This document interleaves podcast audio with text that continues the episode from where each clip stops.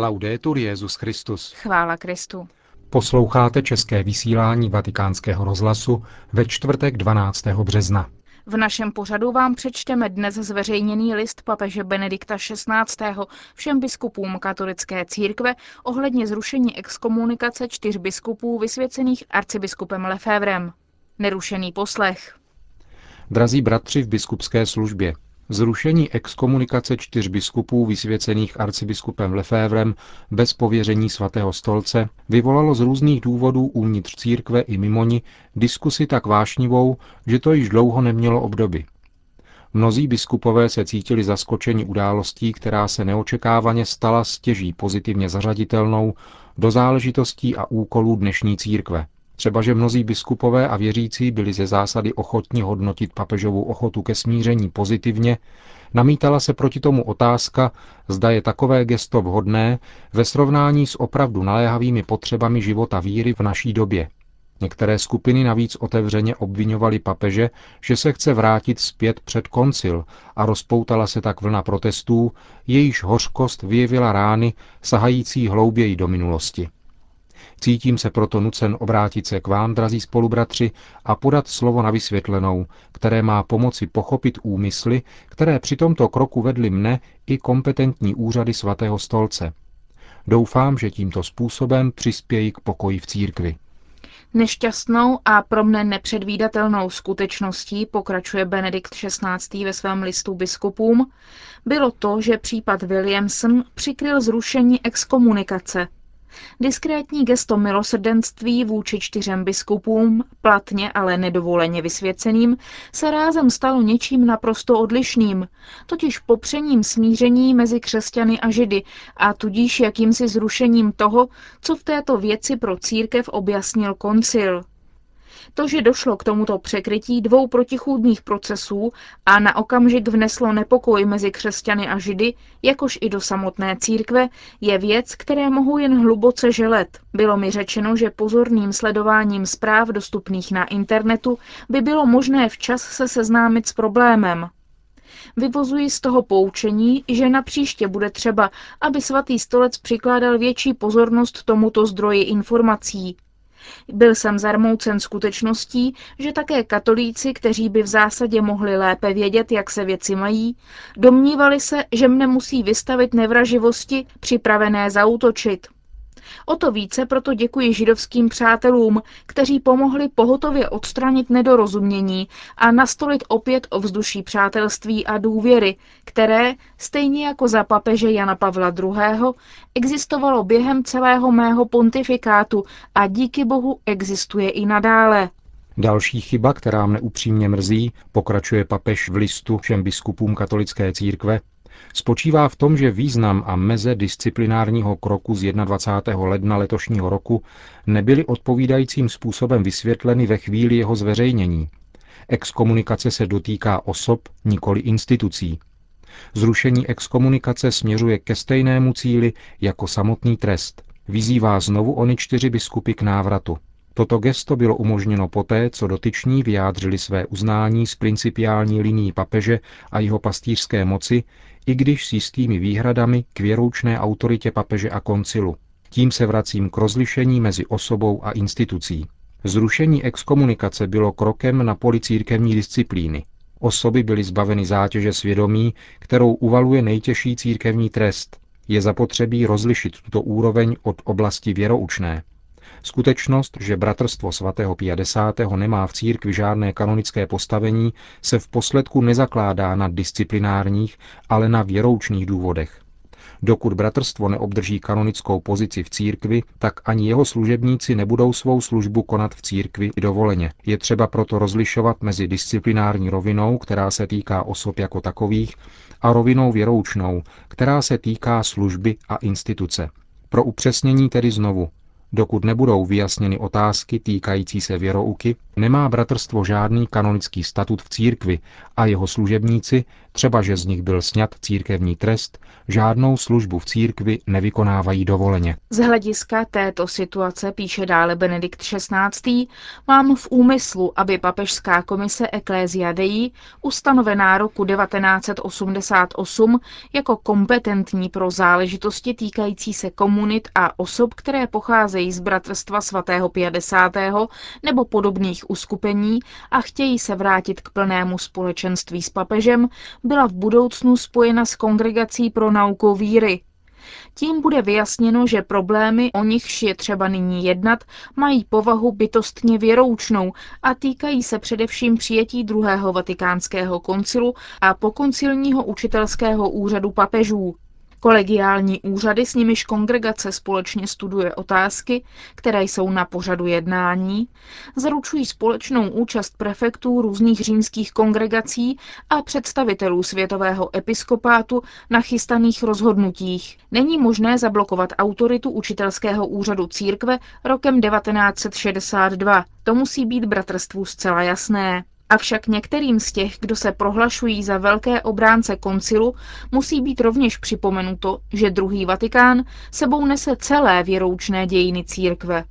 Kdo chce být poslušný koncilu, musí přijmout víru, vyznávanou během staletí, a nemůže ji odseknout od kořenů, z níž žije její strom. Doufám, drazí bratři, pokračuje dále ve svém listu papež, že tímto bude objasněn pozitivní smysl, jakož i meze kroku, jenž byl učiněn 21. ledna tohoto roku. Nyní však zůstává otázka, byl tento krok nezbytný? Představoval opravdu prioritu? Nejsou snad věci mnohem důležitější? Zajisté existují věci mnohem důležitější a naléhavější. Myslím, že jsem priority svého pontifikátu ozřejmil v promluvách pronesených na jeho začátku – to, co jsem tehdy řekl, zůstává v nezměněné podobě mou hlavní linií. První priorita Petrova nástupce byla jednoznačně dána pánem ve večeřadle. Ty utvrzuj své bratry. Petr sám sformuloval tuto prioritu nově ve svém prvním listu. Buďte stále připraveni obhájit se před každým, kdo se vás ptá po důvodech vaší naděje. V naší době, kdy je víra na rozsáhlých územích vystavena nebezpečí zániku, jako plamen, který už nemá čím se živit, je prioritou všemu nadřazenou zpřítomňovat Boha v tomto světě a otevírat lidem přístup k Bohu. Nikoli k jakémukoli Bohu, ale k onomu Bohu, který mluvil na Sinaji, onomu Bohu jehož tvář rozpoznáváme v lásce, která se vydává až do krajnosti, v Ježíši Kristu, ukřižovaném a zmrtvých vstalém. Opravdovým problémem tohoto našeho dějiného období je, že se Bůh vytrácí z horizontů lidí a že zhasnutím světla, jež přichází od Boha, bude lidstvo postiženo dezorientací, jejíž ničivé účinky se projevují stále více. Vést lidi k Bohu, k Bohu, který mluví v Bibli, to je nejvyšší a základní priorita církve a Petrova nástupce v této době. Odtud plyne jeho logický důsledek, že musíme mít na srdci jednotu věřících. Jejich nesvornost, jejich vnitřní opozice spochybňuje věrohodnost jejich mluvení o Bohu. Proto je snaha o společné svědectví víry křesťanů, o ekumenismus, obsažena v této nejvyšší prioritě. K tomu patří i nutnost, aby všichni, kdo věří v Boha, hledali společně pokoj, snažili se vzájemně zblížit a společně, byť v různosti svých pojetí Boha, kráčeli ke zdroji světla. A to je mezináboženský dialog. Kdo hlásá Boha jako lásku až do krajnosti, musí vydávat svědectví lásce, s láskou se věnovat trpícím, odmítat nenávist a nepřátelství. A to je sociální dimenze křesťanské víry, o níž jsem mluvil v encyklice Deus Caritas Est. Pokud tedy namáhavé úsilí o víru, naději a lásku ve světě, pokračuje dále papež, představuje pro církev v tuto chvíli a vždy v různých formách pravou prioritu, potom jsou jeho součástí také smíření malá a prostřední. To, že gesto podané ruky způsobilo tak velký povyk a proměnilo se tak vlastně na opak smíření, je fakt, který je třeba vzít na vědomí. Nyní se však táži, bylo a je opravdu chybné jít také v tomto případě vstříc bratru, který má něco proti tobě, a usilovat o smír? Nemá se snad také občanská společnost snažit předcházet radikalizacím a jejich případné stoupence pokud možno opětovně zapojit do velkých sil utvářejících život společnosti, aby nedošlo k segregaci s veškerými jejími důsledky? Co pak může být naprosto pomílené snažit se mírnit strnulost a restrikce, aby byl dán prostor k tomu, co je pozitivní a použitelné pro celek? Sám jsem v letech po roce 1988 viděl, jak se návratem komunit, které byly předtím odděleny od Říma, změnilo jejich vnitřní klima. Jak se návratem do velké a široké společné církve dospělo k překonání jednostranných pozic. Uvolnila se strnulost, takže z toho pak pro celek vyšly pozitivní síly. Může nás nechat zcela lhostejnými komunita, která má 491 kněží, 215 seminaristů, 6 seminářů, 88 škol, dva univerzitní instituty, 117 řeholníků, 164 řeholnic a tisíce věřících? Myslím ku příkladu na 491 kněží. Nemůžeme znát spleť jejich motivací. Nicméně si myslím, že by se nerozhodli pro kněžství, kdyby tam vedle různých chorobných a zdeformovaných prvků nebyla láska ke Kristu a vůle hlásat ho spolu s živým Bohem. Co pak je můžeme jako představitele radikálního okrajového uskupení prostě vyloučit ze snahy o smíření a jednotu? Co bude pak? Zajisté jsme dlouhou dobu a znovu při této konkrétní příležitosti slyšeli od představitelů oné komunity mnohá rozladění, píchu a přemoudřelost, lpění na jednostranostech a tak dále. Z lásky k pravdě však musím dodat, že jsem obdržel také celou řadu dojemných svědectví vděčnosti, z níž byla zjevná otevřenost srdcí. Neměla by si velká církev dopřát také velkodušné vědomí širokého rozletu, který je jí vlastní, vědomí příslibu, který jí byl dán? Nemáme snad jako dobří vychovatelé být schopni také přehlédnout různé nedobré věci a starat se o to, jak vyvádět ze sevřenosti? A nemáme snad připustit, že se i v církevním prostředí objevilo nějaké to rozladění?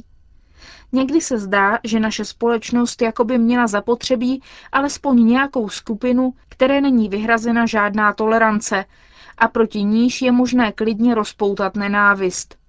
A osmělí se někdo, v tomto případě papež, přiblížit se k ní, ztratí i on právo na toleranci a lze jej bez obav a okolků vystavit zášti. Drazí bratři a sestry, píše v závěru svého listu svatý otec.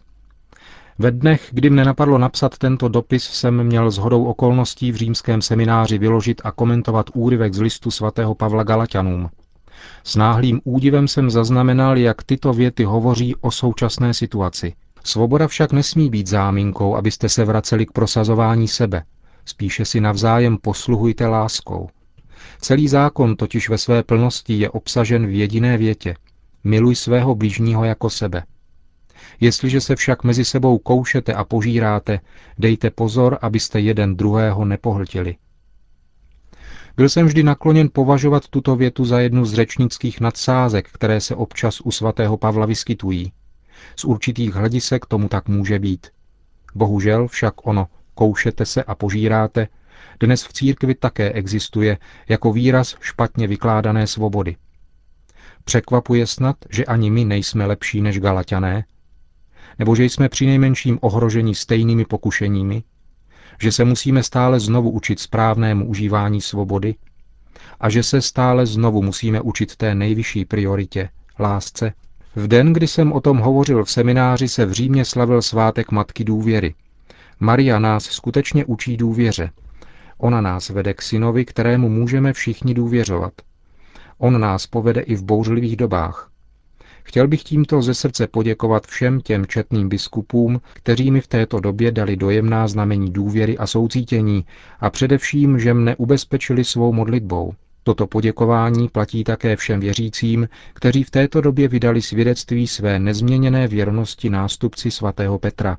Pán ať nás chrání a vede cestou pokoje. Toto přání by vyvstává v srdci na začátku této postní doby, která je obzvláště vhodným liturgickým obdobím pro vnitřní očištění a která nás všechny vybízí hledět s obnovenou nadějí k zářivému cíli Velikonoc. Se zvláštním apoštolským požehnáním zůstávám váš v pánu Benedikt XVI.